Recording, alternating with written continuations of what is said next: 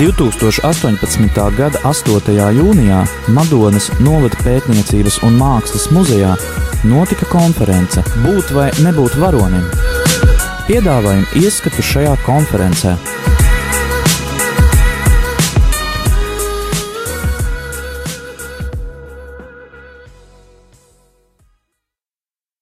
Madonas Romas katoļu draugas prāvestu, prie, priesteri Pāvilu Kamalu, kurš ir dzimis un uzaudzis Polijā, bet par savām mājām un kalpošanas vietu jau vairākus gadus sauc Latviju, un pēdējos divus gadus tieši Madonu.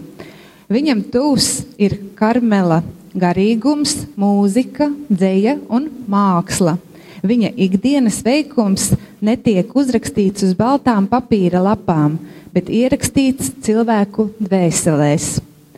Priesteris Pāvils Kamola runās par tēmu, par labo, varbūt kāds uzņemtos mirt. Būt varonim pēc Bībeles gudrības. Lūdzu. Paldies! Labdien visiem jums un lai top slavēts Jēzus Kristus!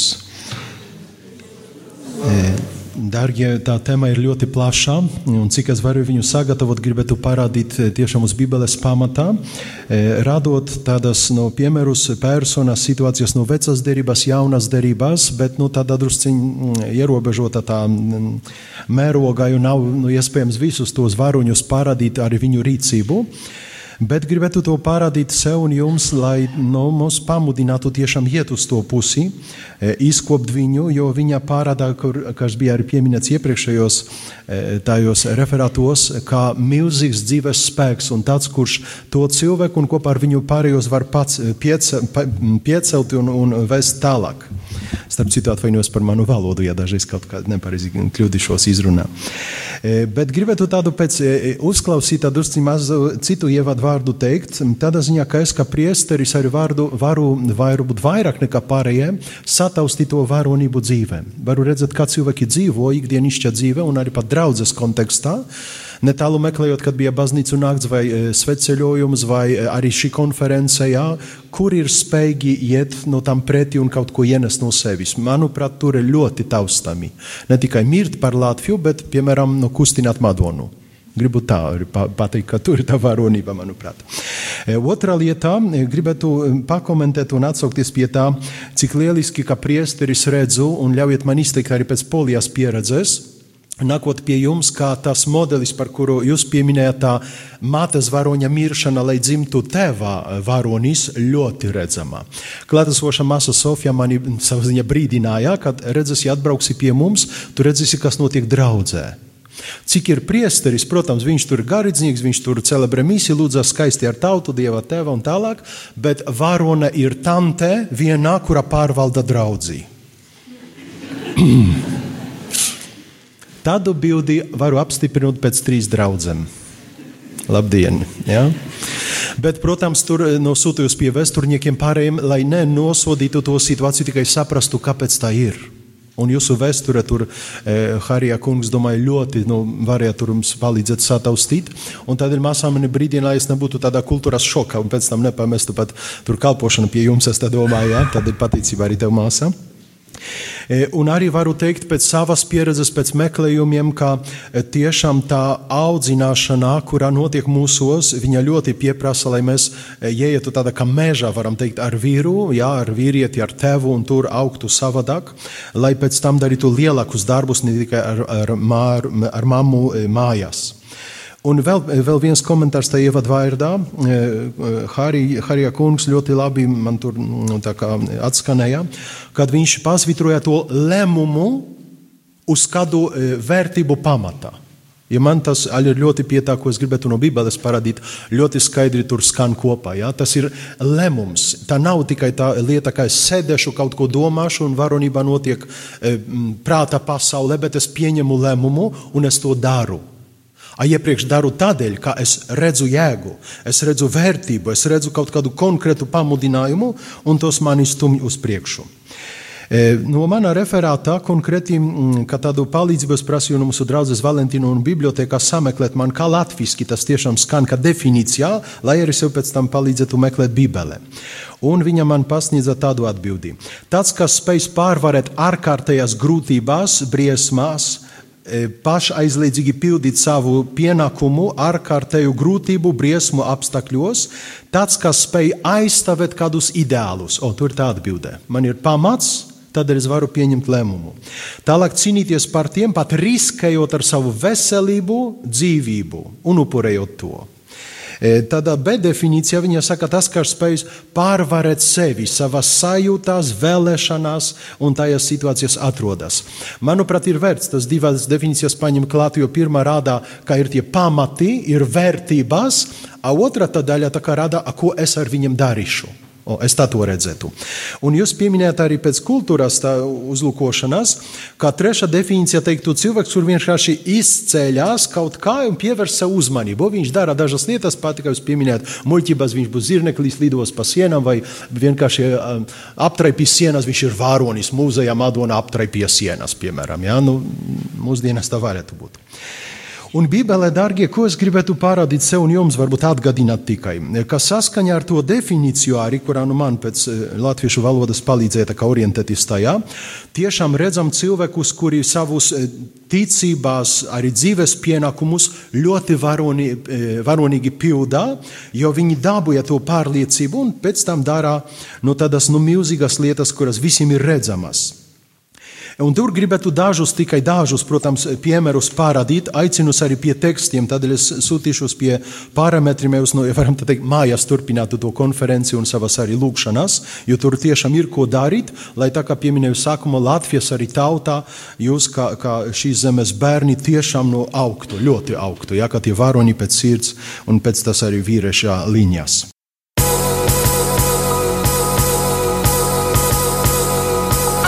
2018. gada 8. jūnijā Madonas novada pētniecības un mākslas muzejā notika konference Būt vai nebūt varonim. Piedāvājam ieskatu šajā konferencē.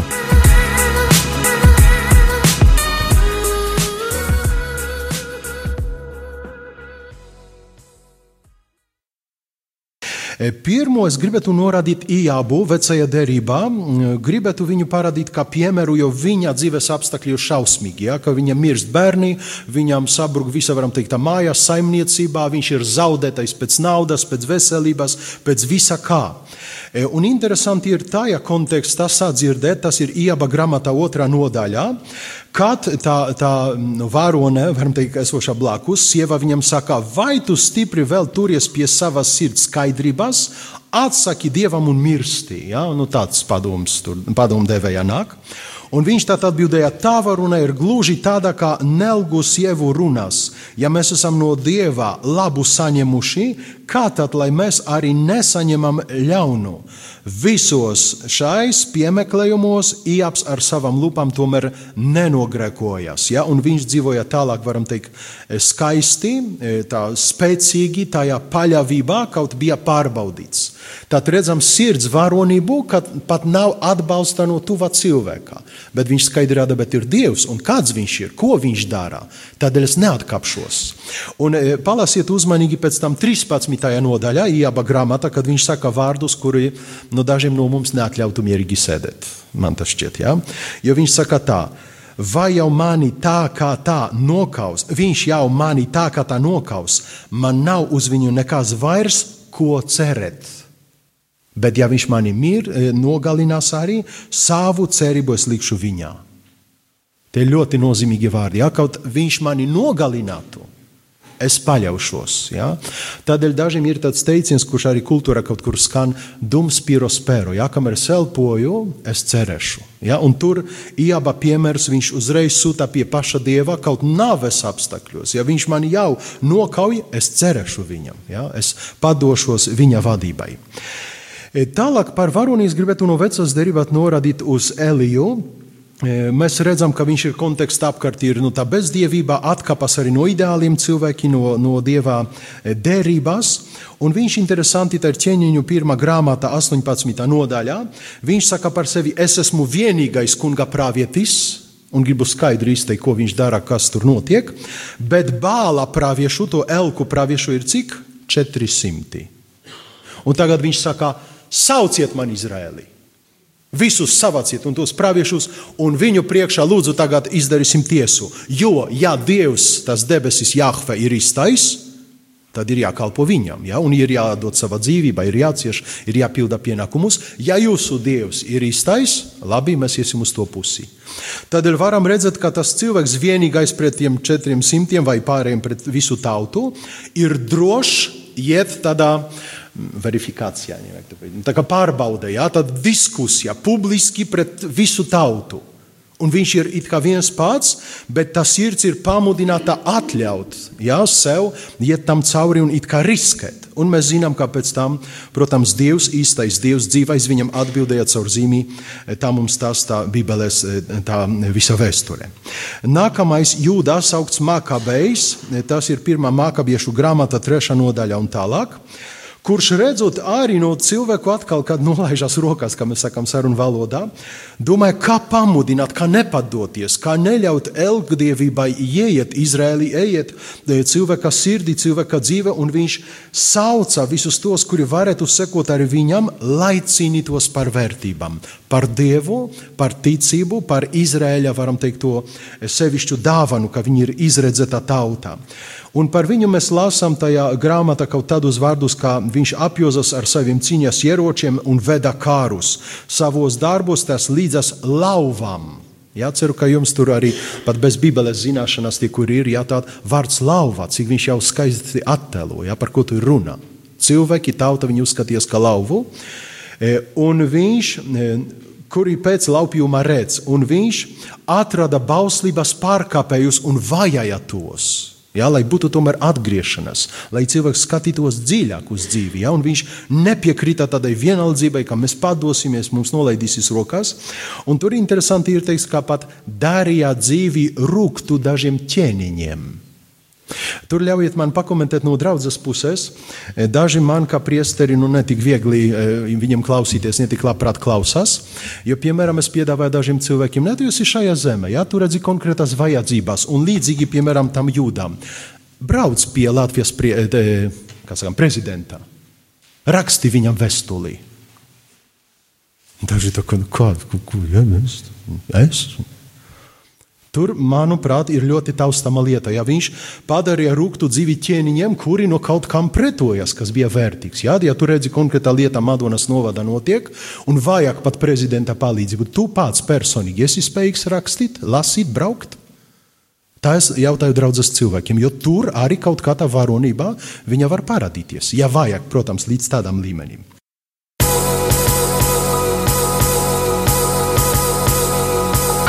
2018. gada 8. jūnijā Madonas novada pētniecības un mākslas muzejā notika konference Būt vai nebūt varonim.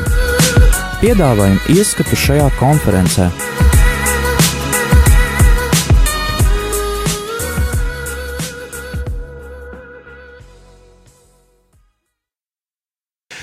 Nākamais interesants piemērs būtu Dāvids, 1. Samuela grāmatā. E, kad viņš no sevišķi tā situācija 17. nodaļā e, par Goliatu, jūs zināt, kad viņš bija e, filistiešu tās milzīgs kareivis, jā, ļoti liels vīrietis, un viņš ar visiem tiem ieročiem atnāca. Un kad viņš saka, zaimot, jā, kāds tur dievs, kāds izraēlis, te muļķībā, tu dietībā kaut kāda, jā, visi saka baidīties, jā, tie vīri, tie izraēlieši, nu, ko mēs tagad darīsim. E, un nu, tad kurš iet karoties jā, ar visu to cilvēku? Un interesanti, ka Dāvids pieteicās, es iešu. Un viņš tā kā tu, tu esi zēns taču, ja? ko, ko tu gribi, viņš ir kareivis, viņš nopietns, viņš nu, nobrieda tajā. Ja? Un interesanti, ka viņš saka e, tur tādus vārdus, kā tad, kad es biju gans pie sava tēva, kad atnāca lauvā vai arī lācīs, un tie nesa projām kādu āvi no ganama pulkā, tad es devos tos vajāt, un es tos nogalināju, bet laupījumu es izglabu no viņu rīkles.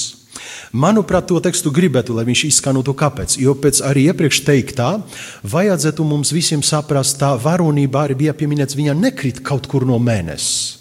Ja, vai bija teiks, mēs nepiedzimstam uzreiz, ja es tur runāju, es klēpju, ja visus tur sakārtošu. Tā nav. Tad mēs dzirdam, ka arī tāds Dāvids, kā zēns, varam teikt, viņš bija audzināts pie tā. Viņam bija pārbaudījumi dažādi, ja, kaut iet pie tiem mežonīgiem zvēriem, kaut kā pretoties viņiem, dabūt kādus tur, protams, savus ieročus, kaut to lingu vai vēl kaut ko, lai sirds augtu tajā drosmē. Un tagad tikai citos apstākļos, augstākajā līmenī, Labi, visi tur baidās, es neesmu karavīrs, bet manā sirds grib uzkāpt tajā līmenī. Ja? Tad Davida piemērs, man, manuprāt, pielika to audzināšanas punktu. Kā Bībele mums parāda, es varu augt pie varonības. Un tādēļ beidzot Dāvids, cik paskaidroja, no nu, varam teikt tādu zīmes līmenī, kā jūs pieminējāt, bet beidzot viņš atsaucas tajā helogrifā, tā kā pie tā augšējā, viņš saka, tagad tu iesi man pretī ar zobenu šķiepu un kā, kaujas vāli, bet es eju tev pretī ar ko? Kunga vārdā. O, tad ceru, ka tādā veidā arī pēc iepriekš teiktā jums varbūt būs tāds kā komplekts kopā ar mani Bībeles, kā viņš ir zemes cilvēks bet arī atsaucas pie nu, daudz augstākām vērtībām. Tā kauja, tā uzvara viņa ir ļoti strauja. Ja? Viņš ir drošs tajā, jau pieauga, izauga no zemes un atsaucas pie daudz aug, e, augstākā. Manuprāt, viņš ir ļoti skaists mums piemērs tai varonībai un tai uzvarai, kura notika cik no tautas dēļ, ja? zemes dēļ, cik paša dieva dēļ. E, vēl divi piemēri no e, cik ir laikā palicis. 15. Labi, tā esam pusē apmēram. Tad vecās derības piemērus gribētu pabeigt ar diviem, kurus varam likt blakus sev. E, viņi ir atrodami Esteres grāmatā, runa par Mordohāju un runa par Esteri. E, tas ir laiks, kad viņi ir trimdā, e, kad viņi ir svešajā zemē, un viņi, mm, kā jūdi ir, varam teikt, paslepti, Un e, pēc naida, kurš parādījās starp Hamanu un Mordohaju, e, sanāca tāda lieta, ka Hamans pieņem lēmumu ar ķēniņā tur e, atļauju nogalināšu to Mordohaju, bet tas ir par maz. Es iznīcināšu visus jūdus. Ja, tas naids iet tik tālu. Un mēs pēc vēstures pieredzes zinām, ko nozīmē ir ideja, kura pārvalda cilvēkus tik tālu, ka var pat e, būvēt krematorijas un tā tālāk, lai iznīcinātu cilti, piemēram, konkrētu. Ja, tad mēs zinām, tā nav fikcija. Tā nav tikai Bībele, kurā kāds teiktu, varbūt viņa ir izdomāta. Ja, mēs to varējām redzēt nu, varam teikt, mūsdienas. E, kāpēc gribētu pieminēt to fonu? Jo tagad uz tā fonā mēs redzam Mordohāju, par viņu lāsam, kā cilvēku, kurš tomēr tam Hamanam neatdos godu. Kurš tur varētu būt varonis caur so tādu tā paslēptu, bez cīņas, bet izpaustu nostāju. Es nenoliekšos tavā priekšā, negodināšu tevi, es godināšu Dievu, tas ir tikai cilvēks. Un tajā es būšu varonis. Un kaut kā bija pieminēts, tu teiksi, iznīcināšu tevi un tavu tautu. Es zinu, ka tā pārliecība ir dārga un svētā, es nemainīšu to. Tādēļ, manuprāt, viņa piemērs atkal būtu tāds labs modelis varonībai, kur, ja varam teikt, ļoti iekšējā, ļoti klusa mēs teiktu. Tomēr viņa caur savu pastāvīgumu tajos apstākļos, caur šo sevis pārvarēšanu, viņa parāda, ka notiks uzvara. Pirmkārt, iekšējā uzvara, viņa uzvara. E, un Tā, tas paskaidrojums, kāpēc viņš tā dara, viņš atskan tā Mordohaja lūkšanā, ja mēs lasītu 3. nodaļā 21. 2. pants. Tad tur ir tas, viņš skaidri saka, lai cilvēka gods netiktu pacelts augstāk par dieva godu. Tādēļ es tur nepadošu uz tiem likumiem un kaut vai var, var mani nogalināt. Un pieminēju, ka blakus viņam es gribētu radīt piemēru. Tas ir sievietes, kā varonas piemērs, tā ir Estere. Estere, kurā līdzīgi Danielam, ja varam tā teikt, ir Mardohaja audzinātā, un tajos apstākļos arī pēc teiktām definīcijām viņai vajag beidzot uzkāpt konkrētā līmenī. Tādēļ es arī piekritīšu, ka varonība viņa parādās konkrētos apstākļos, bet man gribas teikt, viņa nesākās šajos apstākļos. Viņa daudz ātrāk vajag, lai būtu izkopta, veidota, lai izaugtu. Tur ir brīnišķīgi apstākļi parādīties. Ja varam to teikt no dabas, ja kā pumpuri, kur beidzot pie no atbilstošā jau siltumā, beidzot atveras. Ja, bet viņi jau iekšā jau sen bija sagatavoti tikai no tādā e, mazumā, ja varam tā teikt. Un Esterei, ko Mardohais tādu interesantu piedāvā? Kad atnāca tie apstākļi, kā bija tas dekrets, mēs nogalināsim visus jūdus, bet viņa ir ķēniņienes godā, it kā nejauši, it kā nejauši, tad Mardohais viņu formē tādā veidā, ja tagad tu neiesi, kad ķēniņiene pie karaļa, un nelūksi glābšanu mums, Ja paliksi ar savām bailēm, lai kaut kas saglabātu dzīvību, tā kā mēs tikko redzējām, piemērus citus, tad zini, ka tu aiziesi bojā, bet Dievs sūtīs palīdzību no citurienes. Un tādā veidā viņš piespiež viņu dzemdēt šo vīrieša, varam teikt, to pusi. Es kā sieviete nepalikšu ar savām bailēm, tikai es ar vīrieša sirdi sasildītā iešu cīnīties. Ja? Un tādā veidā viņš, varam teikt, eh, atņem viņas visus citus tādus kā attaisnojumus, ka nav tas laiks. Nē, man vajag pārkāpt savu sirdi, iet riskēt. Un ir interesanti, ka e, Estere to visu saprata. Viņa saka tā, no, tā Mardohājam sapulcieniet jūdu tautu, lai viņi lūdzas, lai viņi gāvē par mani. Ja, tad ir interesants punkts. Tā varonība ir tā kā e, aizmugurā. Ja, ir palīgi drusciņā apkārtām, bet iekšā, protams, tas ir tas lēmums, par kuru pieminu iepriekš. Viņa saka, jūs nēdiet, nedzēriet, lūdziet par mani, pēc tam es iešu pie ķēniņa. O, to es gribētu caur tiem vārdiem pasvītrot, tas lēmums. Es pieņemu, esmu gatava. Iešu pie ķēniņa, kas gan nav pēc likuma, jo pēc likuma, kuri nebija aicināti tur aizietu, viņus vajag nogalināt. Ja? Un tad viņa saka, ja es aiziešu bojā, tad es aiziešu. Ja? Bet, nu, ja es neaiziešu, nu, tad es glābšu savu tautu. Un mēs zinām, tā, tā e, sanāca, ka viņa tiešām bija uzklausīta un izlūdza to uzvaru, to glābšanu, kā lasām Bībelē. Un interesanti būtu veltīt uzmanību 4. nodaļai, kad viņa e, saja, savā lūkšanā atklāja, ka viņa tiešām lūdzas Dieva priekšā, tad atkal sauc savam cilvēciskum palīdzību no paša Dieva, ja, caur ticību, caur to nostāju Dieva priekšā. Un arī arī izsaka interesantus vārdus, liec manā mutē skaņīgu vārdu, ko teikt šīs lauvas priekšā. Tagad lauva apzīmē šo e, karali, šo valdnieku. Es esmu tur kā bailīga pelē, bet izlīdzina mani ar lauvas līmeni. Ļoti interesants piemērs. Ja? Tad sievietes jūs saucat sevi par pelēm vai lauvām? Kā tur ir ar jums? Ja? Būtu labi, tā maza meitene ir pelīte vai lauvene? Kā tur ir santa un pārējie. Ja? Būtu labi tā pajautāt.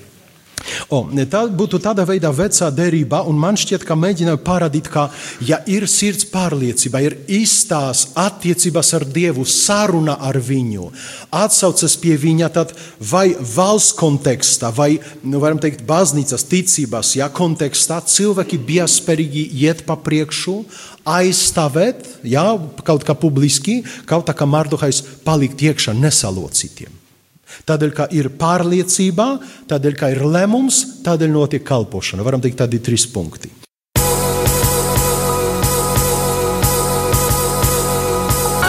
2018. gada 8. jūnijā Madonas novada pētniecības un mākslas muzejā notika konference Būt vai nebūt varonim. Piedāvājam ieskatu šajā konferencē.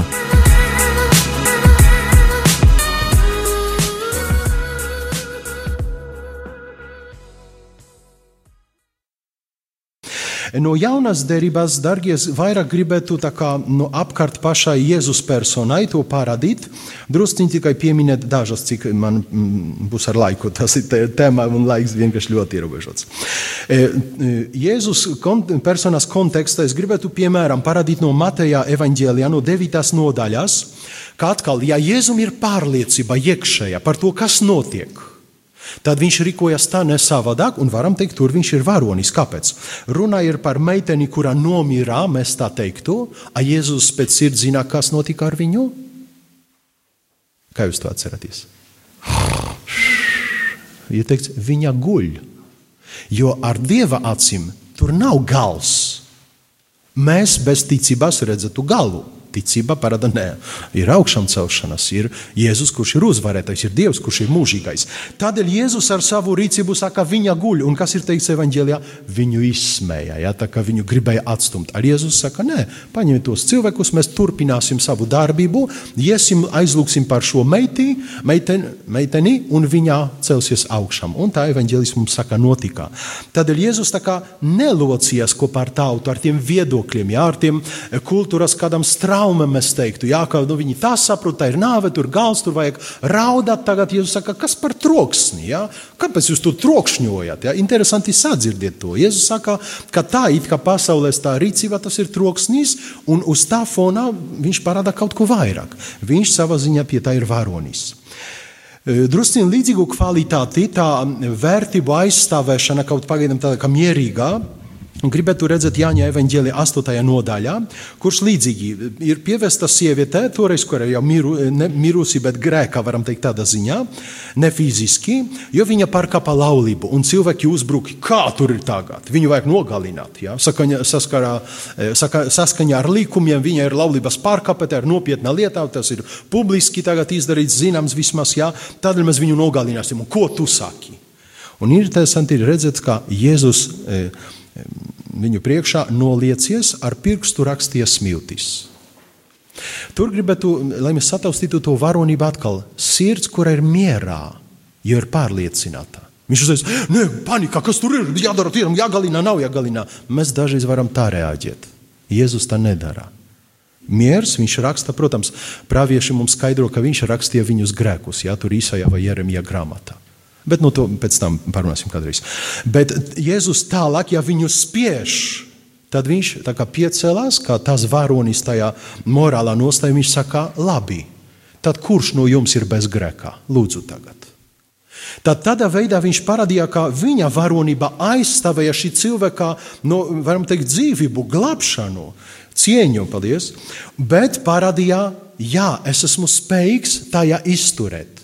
Un tik tālu esmu varonis, kā varu jums aizrādīt. Jo tur bija tie tautu vecākie, farizēji, visi gudrie. Es tajā varu jums parādīt kaut ko vairāk.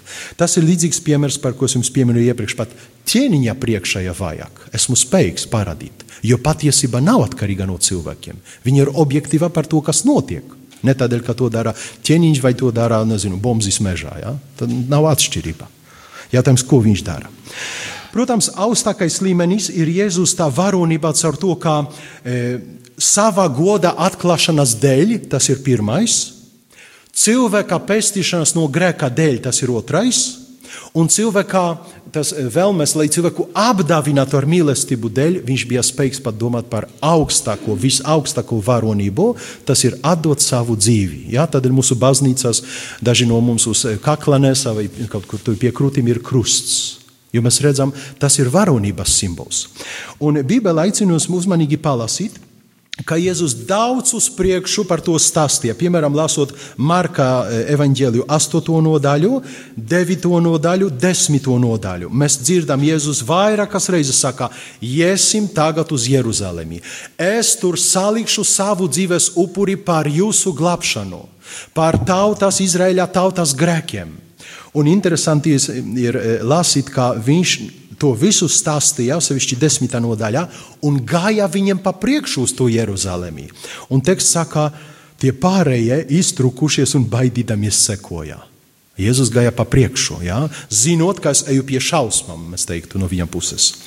Eh, un, kad viņš visu to paskaidroja, Tad, protams, viņš, mēs zinām, Jāņa evanģēlijā to lasot, sākumā, viņš ļoti provokatīvi uzvedās. Kad izdzina no tās svētnīcās, un tie, kuri komentē Bībeli, viņi saka, viņu nevarēja nogalināt. Ja viņš tādā veidā pretojas tam, kas tur notika, tie visi priekšnieki un pārējie. Tātad Jēzus rīcībā ļoti apzināti gāja pie tā upurā, gāja pie varonības, e, to triju e, iemeslu pieminēto dēļ. Un tādēļ viņš skaidroja, to varam atrast pēc tam Jāņa evanģēlijā 13, kad viņš saka, e, no tie, kuri tur jūs esat ar mani, jūs redzēsiet, ka tad viss piepildīsies. Kad es cietīšu, es salikšu upurī, tad jūs pazīsiet, ka es esmu. Jūs zināt, ka es esmu, tas ir Dieva vārds, jau atklāts vecajā derībā, ja? mūzum un pārējiem. Tātad viņš to ļoti konkrēti paskaidroja. Un e, tālāk viņš arī, piemēram, Lukas evanģēlijā sacīja, ka es to visu daru pirms kamēr cietīšu par jums. Un tajā lielajā ceturtdienā, kā viņu saucam, viņš sacīja, tā ir mana miesa Ja, tagad, kur es turu rokās, kad jūs redzat maizi, kura tūlīt būs par jums nodota, par jūsu grēkiem. Paņemā biķeru un viņš saka, tas ir manas asinis, kuras tūlīt būs izlietas par jūsu atpirkšanu. Tad viņš paskaidroja, jūs redzēsiet manu godu caur to varonību, caur to uzvaru. Tālāk viņš saka, jūs būsiet pestīti. Tādēļ mēs saskaņā ar definīciju redzam, Jēzus pārkāp visu to cilvēku arī dēļ. Cik savā godā dēļ, cik cilvēku labāt, varam tā teikt. Ja? E, un beidzot viņš saka, bet tas nav viss, ka jūs arī būsiet pestīti. Varam teikt, tas pirmais punkts, ja pa ceļam ir tā glābšanā, tad viņš vienosies e, ar trešo. Kādā ziņā viņš saka, manu godu, manu prieku, to dzīves baudu, pat mūžības baudu gribētu salikt jūsos. Tādēļ es mirstu. Un kā viņš to izdarīs, viņš saka, es sūtīšu svēto garu. Es sūtīšu mīlestību. Tādēļ mans upuris ir vajadzīgs. Jo tad viņš saka, ja es nemirtu, svētais gars neatnāktu. Ja es miršu, es sūtīšu jums tādu mīlestību, kurā ievedīs jūs mūžībā, un jūs būsiet līdzīgi man. Tad jūs redzat, tā varonība ir ļoti tāda kā krāsaina. Man gribas teikt, ka varavīksne savā ziņā. Dieva gods, mana pestīšana, bet mana laime, mana pilnība, lai es nu, būtu gandrīz dieva līmenī. Un to daļu gribētu pabeigt ar citātu, kuru savam tā, nu, referātam, konferencei, lekcijai, gribēju kā tādu vienu no galvenajiem. E, Jo pie vēstules romiešiem, pie Svētā Pāvila eh, lasām tādu lietu, ka viņš skatoties uz dzīvi, jau uz to visu kultūru, kurā toreiz bija, viņš saka, no, diez vai par, par taisnīgo kāds mirtu. Ja, nu, cik mēs redzam, nu, varbūt, ja cilvēks ir taisnīgs, no tad vēl ar kādām grūtībām es kā upurešu sevi. Ja? Viņš to ievēro, novēroja, kā notiek dzīvē. Bet uz tā, uz tā fona viņš saka, tomēr, domāju par Jēzu, par viņa varonību, ko mēs redzam.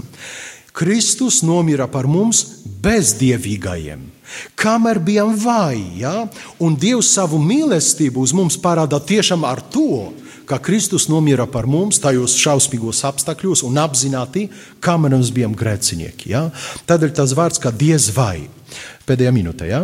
E, kā tādu pielikumu tai pēdējai minūtei, es gribētu parādīt visu to no negatīvas puses, varbūt vēl vienu iespēju augt tajā, jo varam Bībelē arī paskatīties, kad zūd tā drosme un varonīgums. Un varbūt tā ir atbilde arī e, Latvijas tautai, ja, un man pēc tam Polijā. Mēs redzam, piemēram, pie e, Pētera, ja, kamēr viņš nepieauga ticībā, nesaprata to Jēzus galveno domu, tad, tad kad Jēzus viņam stāstīja par ciešanām, viņš saka, nē, nosto, nedrīkst, lai tu ciestu. Kaut iepriekš sludināja, jā, tu esi Dieva dēls. Tad mēs redzam, ka viņš pēc tās definīcijas neieraudzīja pareizi vērtību. Jēzus godu neatklāja to. Tādēļ viņš šaubas. Tādēļ viņš krīt un viņš saka, ne, nedrīkst būt varonis. E, vai vēl viena lieta, kad pēc augšām celšanās mēs lasām, kas notika, redzam, Pēteris saka, es eju zvejot. Ja? Man Jēzus nav, viņu nogalinājiet, ka viss beidzās, es tam neticu, tā nav. Nu, tad mēs griezīsimies atpakaļ pie iepriekšējās dzīves. Ļoti skaidri to redzam. Un uz tā fona, protams, kad atnāca svētais gars, apstuļu darbus to lasām, tas pats Pēteris saka, klausieties tautā! Jēzus ir kungs. Mēs to piedzīvojām, ja? un viņš pārsteigts, pārējais brīnās, kā viņi neizglītoti cilvēki viņu publiski māca un tik spēcīgi. Tādēļ, kas saņem svēto gāru, to iekšējo pārliecību. Tādēļ ceru, ka mums arī, e, e, kā, kā ticīgai tautai vai tiem, kuri skatās uz to pusi, svētais gārs, dieva ticībā, dieva vērtībās, dieva pasaulē ļoti palīdzētu e, izkopt to varonību. Un ceru, ka jūs sadzirdējat arī no tā referātā, ka galvenā ir mīlestībā kurā pie tā varam teikt dzēnu vai pret Dievu, vai pret tautu, vai pret sevi pašu. Gribas teikt Amen. Paldies, Priesterim!